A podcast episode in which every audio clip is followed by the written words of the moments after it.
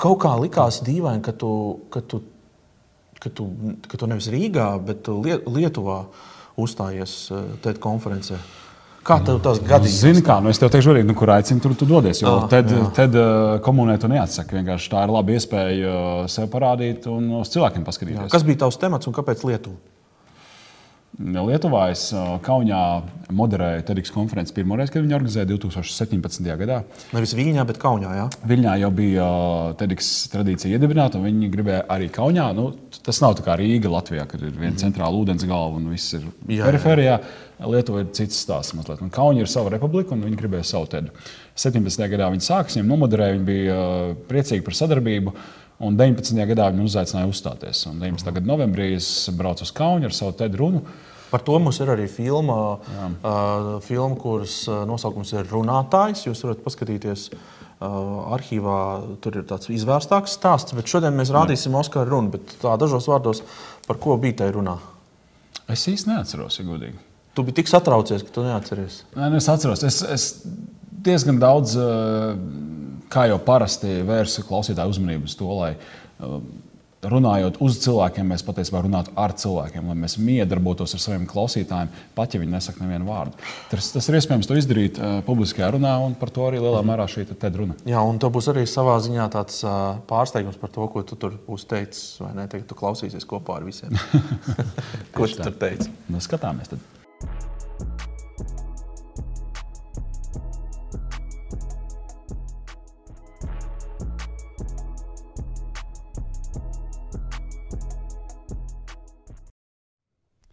Thank you for having me here. I'm going to present you a movie. I'm going to present you a movie. It's called Mission Impossible. I hope you haven't seen it yet. My presentation will consist of two parts. I'm going to talk about the movie and then later we'll explain the reasoning behind why to watch this movie. Uh, before I start my presentation, a few words about me.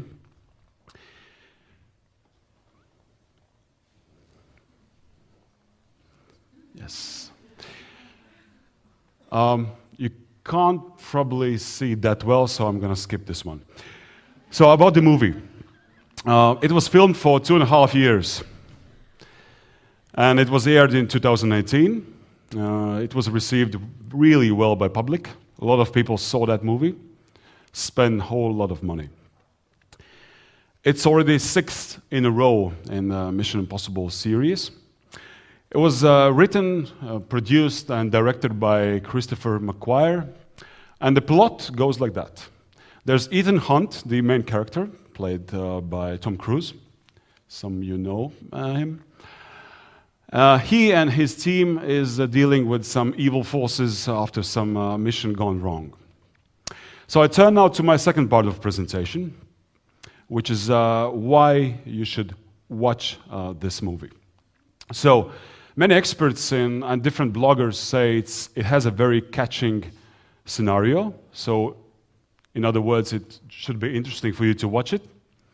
Uh, some say that it has some nice intrigue in the middle of the movie. You almost believe that the main character would not survive its fight, but uh, he, of course, does, and uh, he wins all the evil forces, so it's a happy end.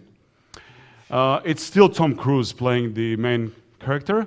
He looks really good, and uh, some say that he does his stunts uh, most of the time by his own.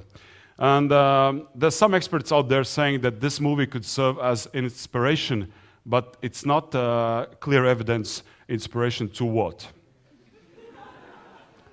Many presentations in business environment look like this and sound like this, just as killing as this one. Jesus. I'm a host of conferences. I moderate different events, business events mostly, discussions, seminars, workshops, panel discussions. I get to meet many people and I see them on stages. I see them presenting things, products, companies, ideas. And many of those presentations, I've seen, you know, hundreds and hundreds and hundreds of presentations, Hundreds and hundreds of presentations, and many just as killing as this one. It's just the way it is in business gatherings. It's just the way they th- do things. And I believe this is also the way you do things, at least some part of you. So the big question is why does it happen this way in business communities? I was in desperate search for an answer in the beginning of my career as public speaking trainer. I was attending different courses, seminars, I was reading books about communication, human psychology. I was desperate to find an answer. And I think I found it, at least a version of an answer to this question. And what struck me, the answer was way more simple than I thought it would be. You see, when confronted by a crowd, a group of people, a presenter worries about the impression. It really is, he's really, or he, she's really busy about what others would think about him or her. It seems natural to us as well, right? Actually, it's some, somehow we are hardwired this way. And it seems it's been like that for ages. And you know, it's that legacy, it's that unpleasant legacy in our context that, that makes us think and feel this way. It's back from old, ancient, primitive societies, tribal times, you know, hunters and gatherers sticking together because that's a higher chance to survive. Back then, it was very important not to make a mistake, to behave, to fit in, to be accepted by, by the group, because that means higher chances of survival. It's probably not the case anymore, but still, that instinct is somewhere in our heads. So, what happens on stages, people tend to, you know, stiffen, to become more formal, to show their uh, professional knowledge instead of their true emotions from stage. So, can we, hardwired human beings, somehow fight this basic instinct? I found a recipe that helps me a lot. And it goes like that it's a simple formula, actually, to treat every presentation as a conversation. To treat every presentation, even to a bigger group, as a conversation with one single person. Yes, multiplied by the number of people in the room. But still, I'm talking right now to you, to you, I think to you as well, and to you, lady in red jacket. Is it red? I think. And to you guys watching this on YouTube. I'm talking to one person because nobody, and I mean nobody, feels like a mathematical average of the whole group divided by the number of people in the group. Statistically, it is so, but in real life, it's not. Because the individual is still an individual with all the baggage you know, the knowledge, the previous experience, stereotypes, the ways of perceiving information. So, how do you create a conversation, especially in bigger groups, if they are not talking back to you.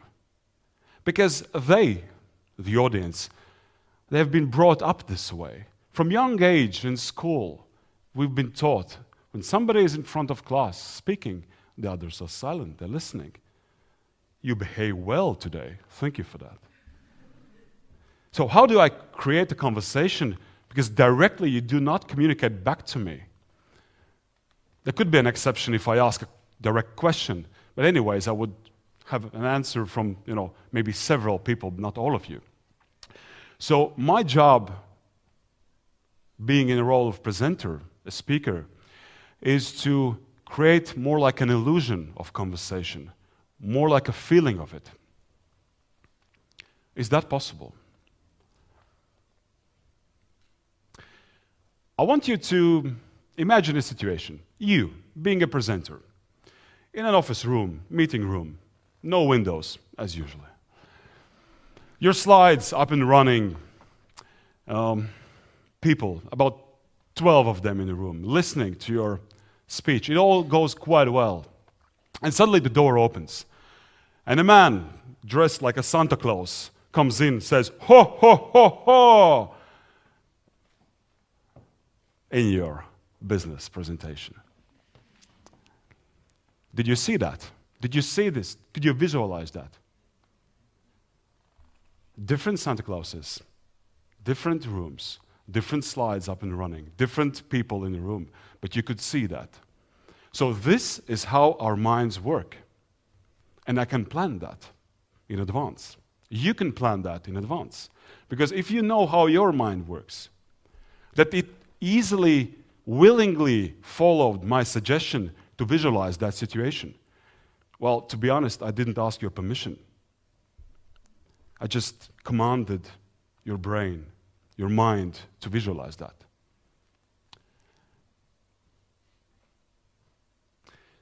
So, if we can predict these behaviors, these reactions to certain inputs, to certain information pieces, we can create illusional, fictional conversations.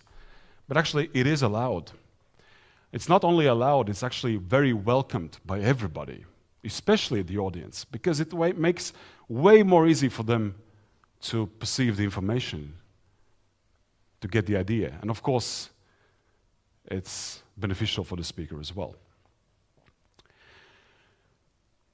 So, um, I want to show you this one last thing. We all know what a butter is, we all know how it feels, we all know the characteristics it has. So, if you place a brick of butter on a hot pan, you know it well, it melts quite rapidly. So basically, you turn it from a solid state to a liquid state. If you then take this liquid and pour it in a container, in our example, an empty bottle, you seal that bottle and put it in the fridge. After some while, if you take it out and somehow remove the container, you have the same butter back in its solid state, but now, as you see, it has a different shape. So, what I'm saying is, you are in charge. You are in charge how you shape your information. And everybody will win if, if you think about your audience and the way they would perceive the information. So, can we all agree on this to make our work environments, our communities, a better place? one conversation at a time. Thank you. Thank you.